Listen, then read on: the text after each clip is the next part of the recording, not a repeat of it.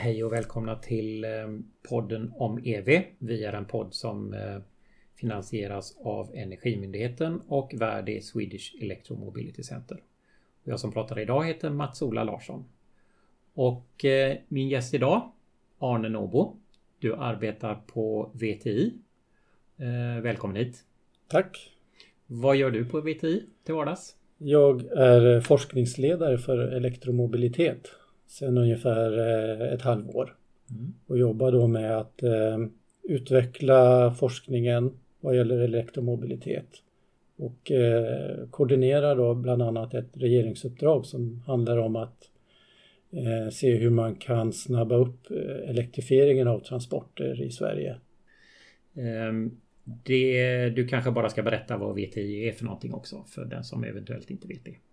Ja, VTI är ett eh, forskningsinstitut eh, som också är en myndighet och eh, vi har då eh, bland annat en hel del regeringsuppdrag som vi får. Eh, men vi har också vanliga forskningsprojekt där vi gör projekt då som finns i olika forskningsprogram i Sverige och internationellt.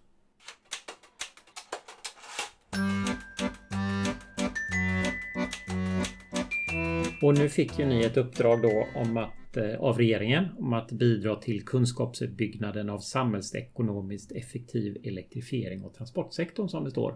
Till att börja, när, när kommer ni att leverera rapporter?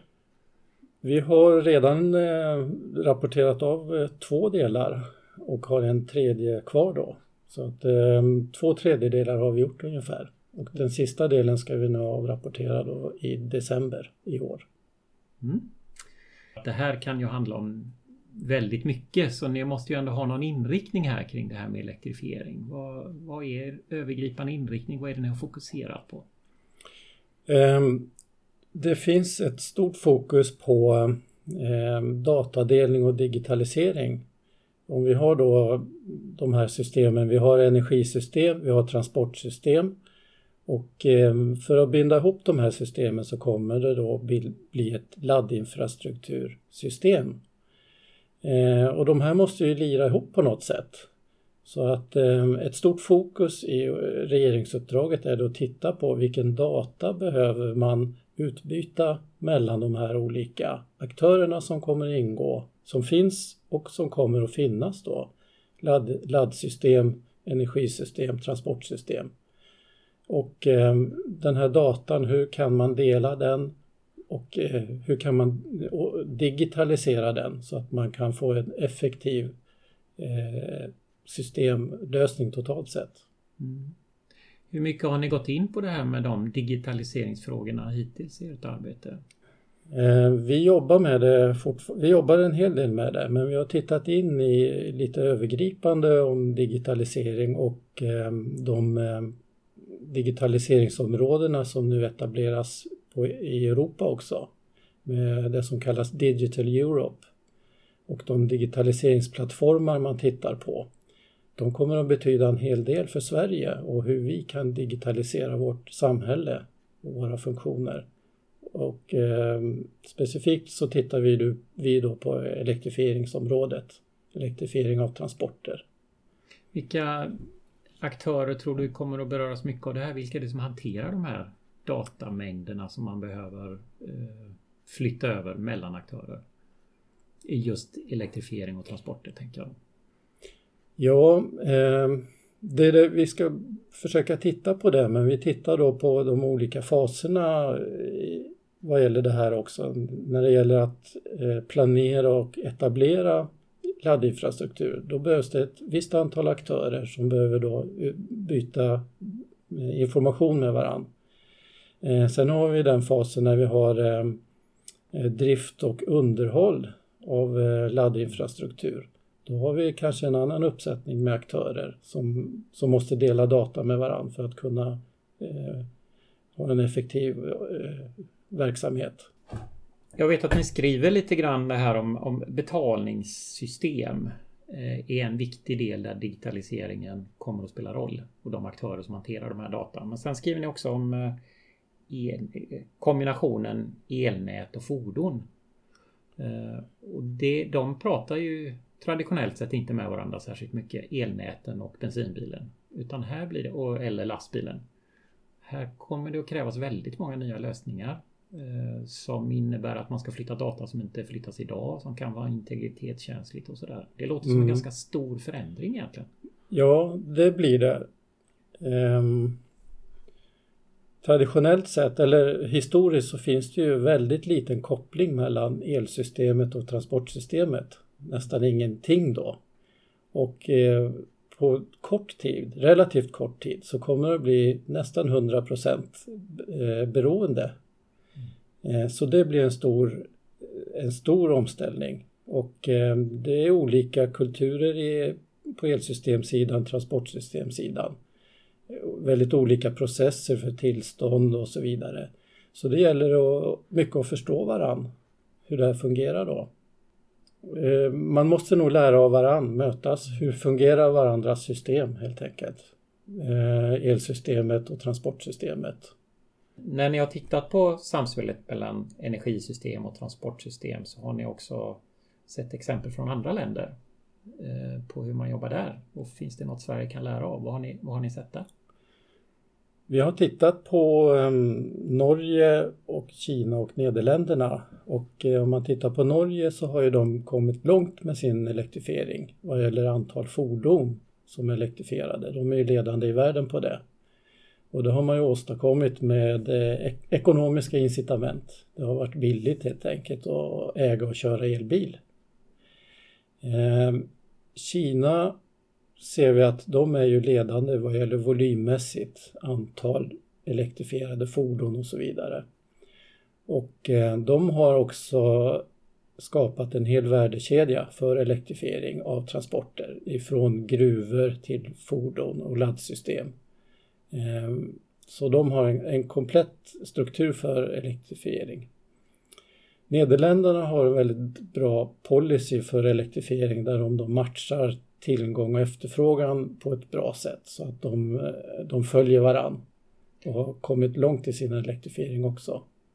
Med tillgång menar du? Tillgång till eh, laddinfrastrukturen.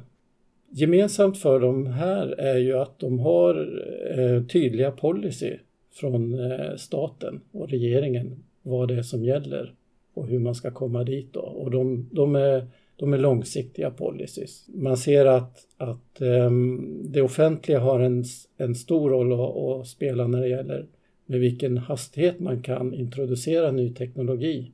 Att sätta upp spelreglerna så att de är tydliga.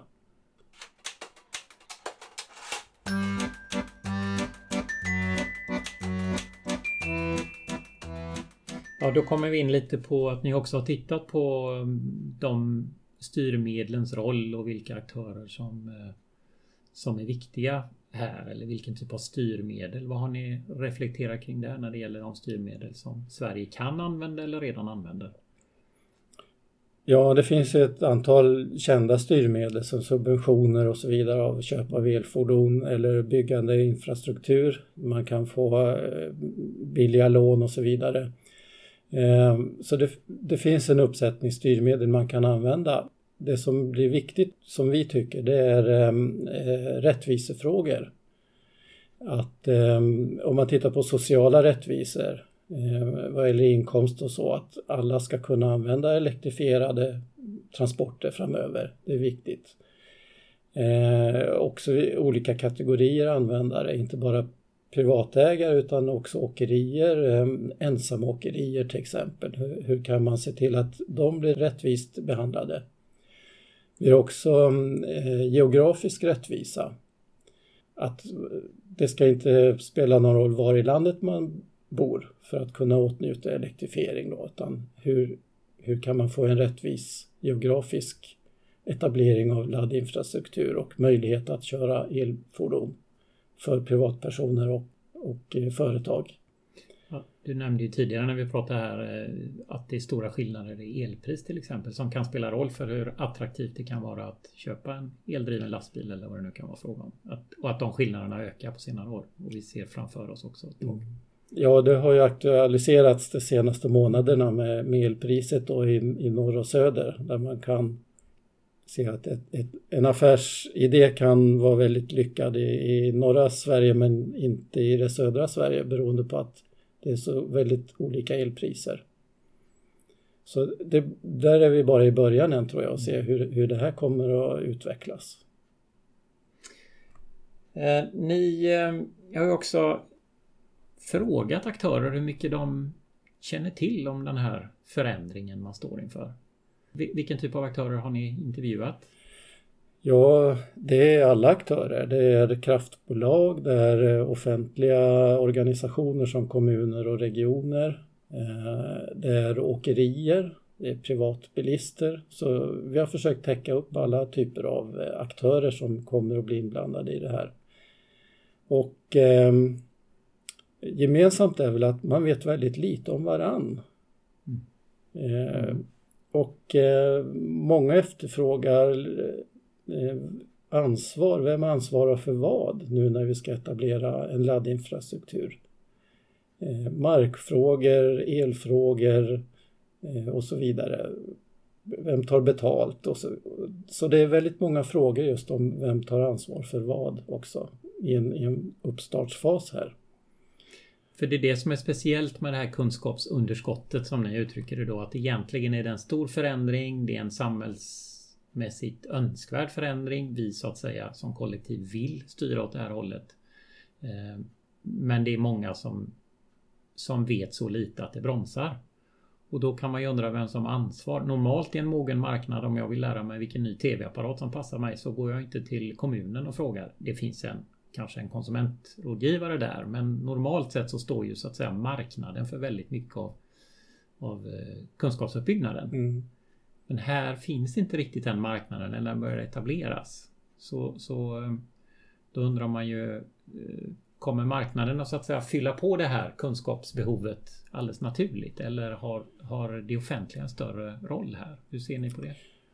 Ehm, ja, ska det gå fort så tror vi att det offentliga har en roll att spela och det ser vi från ehm, de eh, exempel från andra länder här att ehm, det är ju faktiskt samhället som vill att det ska gå fort. Alltså eh, klimatet kan inte vänta som man säger. Vi måste börja omställningen eh, till fossilfria transporter. Och det är ju det offentligas önskemål så att de har nog en skyldighet att driva på det här också och se till att eh, det kommer fram kunskap och att den kommer till godo till de som måste ha den på ett bra sätt. Kommer ni att presentera förslag på hur den där kunskapsförmedlingen ska gå till då? Eller, eller är det upp till beställaren, alltså regeringen, att fundera vidare över det? Hur pass konkreta med förslag kommer ni att vara i, i utredningen? Jag tror vi, vi håller på med det nu. Vi har ett, ett, ett ett, ehm, en punkt i regeringsuppdraget är att eh, bistå de regionala elektrifieringspiloterna med kunskap. Och eh, genom det arbetet så kommer vi i kontakt med många andra som jobbar med de här frågorna att förmedla kunskap så att eh, vi kommer nog att kunna ge ett bra förslag på hur man ska kunna samordna och eh, sprida kunskap om eh, elektrifiering och transporter till det offentliga och till det privata. Mm. Och då kommer det i samband med slutredovisningen här då framåt årsskiftet? Eller? Ja, det blir det.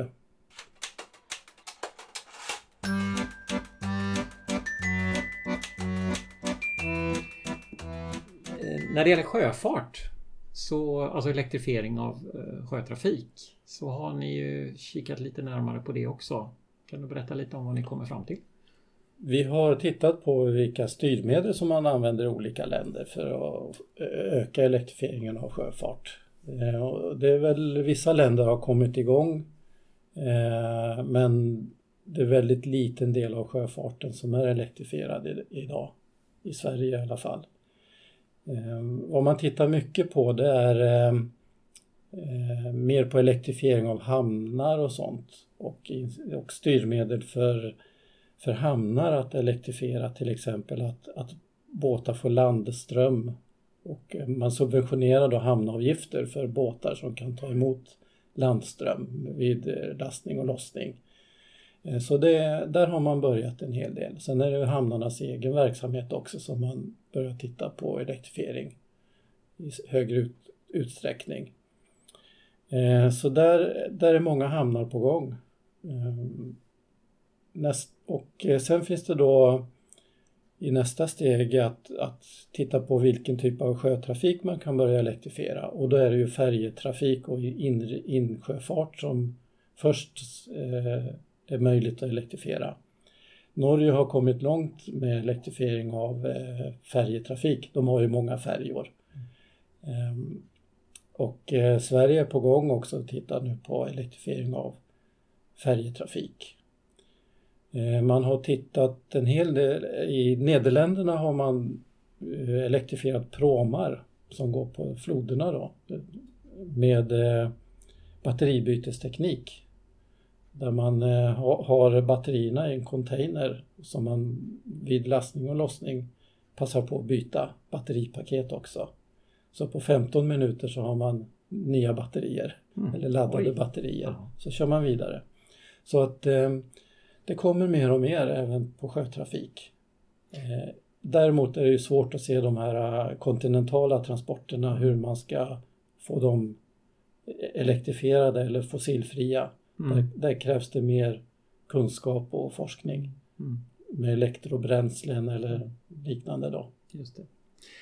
Eh, men ni ser ändå från de här utländska eh, exemplen att vi kan hämta lite goda idéer från eh, olika håll som har kommit lite långt. Du nämnde Norge där och, och så. Ja, Norge har vi um, och Nederländerna då på batteribyte för, för uh, insjöfart. Så vi det... har batteribytessystem också i Kina för uh, tunga transporter som kommer stort nu. Där uh, 58 procent av alla tunga eller lastbilar säljs med batteribytesteknik. Just det. Nu pratar vi inte om sjöfart just utan om Nej, vanliga lastbilar. Olika tekniker ja. då som vi inte ser än i Sverige. Så det, det fattas en, en del teknik i, i lådan fortfarande vad gäller elektrifiering och vi har nog inte sett alla än. Det kommer nog ännu mer. Ja. Eh, ja, jag har förstått det som att i Kina har man haft eh, specifika stöd eller styrmedel som har eh, eh, Eh, dragit i den riktningen med batteribytesteknik till eh, kommersiell trafik. Och det har vi ju inte i Sverige på samma sätt.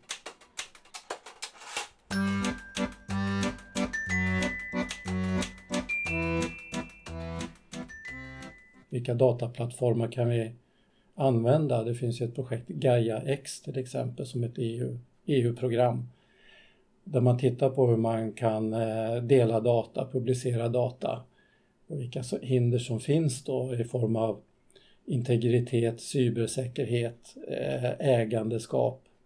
Och ehm, det här måste man ju sätta upp regelverk för. De finns inte riktigt på plats än. Eh, och det man gör på Europaplanet kommer att påverka Sverige i stor grad. Ehm, och eh, innan det här är på plats och innan man har fått ehm, prova de här regelverken. Alltså vad, vad, betyder de här regelverken? Hur ska man tolka dem och så vidare. Eh, så det är en lång resa kvar och vi vet inte allt om det än. Eh, så att eh, vi har genom det här regeringsuppdraget också ehm, en punkt där vi ska vara med i eh, digitaliseringsmyndighetens program, eh, NOSAD, eh, som handlar om öppen data, en öppen dataplattform och i den ehm, plattformen så ska vi då titta på ehm, data från transportsektorn. Hur kan data från transportsektorn för att effektivisera elektrifiering i princip eh, är vårt uppdrag där då. Och det här är också bara i början. Så det är, en, det är en intressant fortsättning vi har att göra inom datadelning och digitalisering. Mm.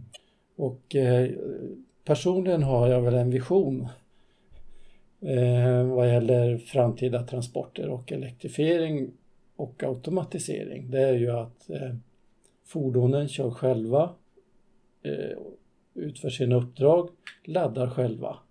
Hur ser en sån digitalisering ut? Det tycker jag är en, en intressant vision.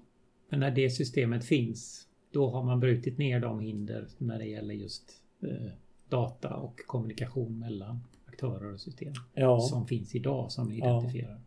Men det kräver en hel del av, av um, den digitala infrastrukturen, både den hårda och mjuka mm. infrastrukturen.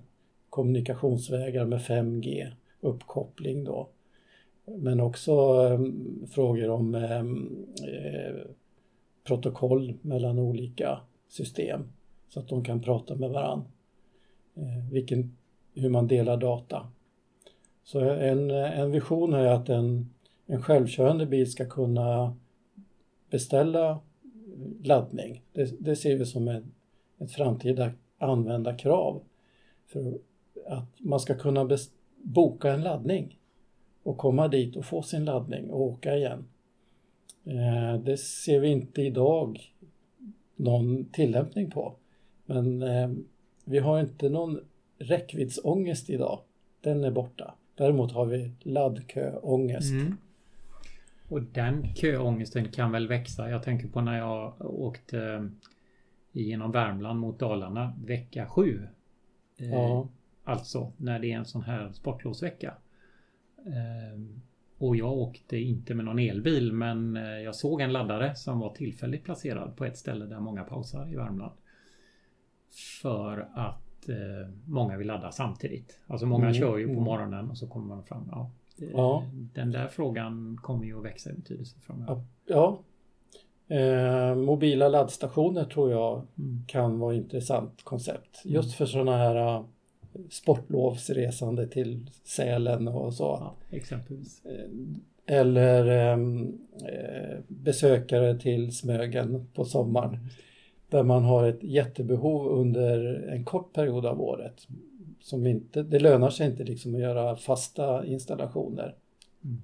Men kanske mobila. Eh, och det finns bra lösningar på sånt. Då det är intressant, men, men också det att kunna boka en laddning. Det, speciellt ser vi det för kommersiell trafik. Mm. Eh, tunga transporter och så vidare. Där man, man kan liksom inte stå med en, med en långtradare och vänta tre timmar för att ladda. Det funkar inte. Laddning ska, all laddning, all, alla stopp är otillfredsställelse. Så det gäller att korta det. Mm. Så vi ser väl att eh, Eh, ja, snabbladdning i all ära men man, man blir aldrig nöjd. Man vill ha kortare och kortare stopp. Och ja. eh, vi, vi kommer att titta mycket ur användarperspektiv. Vad är, det, vad är det som passar i olika verksamheter? Vad passar för en privatbilist? Vad passar för en ensamåkare? Vad passar för, för en eh, distributionsflotta? Vad passar för taxi? Vilken typ av laddinfrastruktur funkar? Och, och, där ser vi en hel del, jag tror vi hittar en hel del missmatch idag. Det finns områden som måste utvecklas. Mm. Och eh, det du, om man tänker det från ett näringslivsperspektiv så finns det många nya produkter och tjänster som kommer att utvecklas. Det, det är ju sannolikt en ganska viktig bransch som håller på att växa fram här.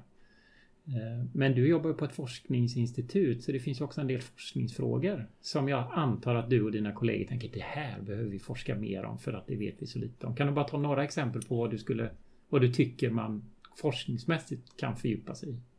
Ja, det, det är ehm, de som ehm, idag inte har elektrifierade transporter. Hur ska man nå dem?